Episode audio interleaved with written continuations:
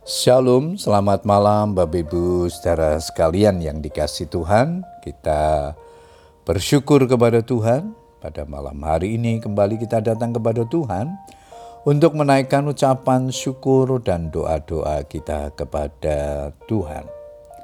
Malam hari ini kembali kita akan merenungkan firman Tuhan sebelum kita menaikkan doa yang malam ini diberikan tema penyertaan Tuhan dalam hidup kita. Ayat mas kita di dalam Kejadian 41 ayat yang ke-38 dan 39 firman Tuhan berkata demikian. Mungkinkah kita mendapat orang seperti ini, seorang yang penuh dengan roh Allah? Kata Firaun kepada Yusuf, oleh karena Allah telah memberitahukan semuanya ini kepadamu, tidaklah ada orang yang demikian berakal budi dan bijaksana seperti engkau. Mengapa Tuhan menyertai Yusuf sehingga apa saja yang diperbuatnya menjadi berhasil? Ada hal-hal yang dapat kita teladani dari kehidupan Yusuf. Yang pertama, Yusuf memiliki persekutuan yang karib dengan Tuhan. Ketika Firaun mendapatkan mimpi, Yusuf sudah berada di dalam penjara selama dua tahun lebih. Ia dijebloskan ke dalam penjara karena tidak melakukan pelanggaran atau tidak kejahatan, tetapi karena difitnah. Dapat dipastikan selama mendekam di penjara, Yusuf terus membangun hubungan yang karib dengan Allah. Seorang yang berkaul karib dengan Allah pasti akan mengalami tanda-tanda ajaib akan penyertaan Tuhan. Pemasmur berkata, Tuhan bergaul karib dengan orang-orang yang takut akan dia dan perjanjiannya diberitahukannya kepada mereka. Mazmur 25 ayat yang ke-14. Karena berkaul karib dengan Tuhan, Yusuf beroleh kemampuan dalam hal menafsirkan mimpi Firaun.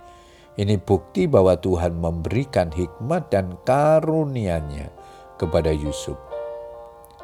Yang kedua, Yusuf berkomitmen menjaga kekudusan hidup. Meskipun terus dirayu oleh istri Potifar, iman Yusuf tidak goyah. Secara tegas ia menolak bujuk rayu istri tuannya itu. Dengan bantuanku tuanku itu tidak lagi mengatur apa yang ada di rumah ini. Dan ia telah menyerahkan segala miliknya pada kekuasaanku. Bahkan di rumah ini ia tidak lebih besar kuasanya daripadaku. Dan tiada yang tidak diserahkannya kepadaku selain daripada engkau, sebab engkau istrinya.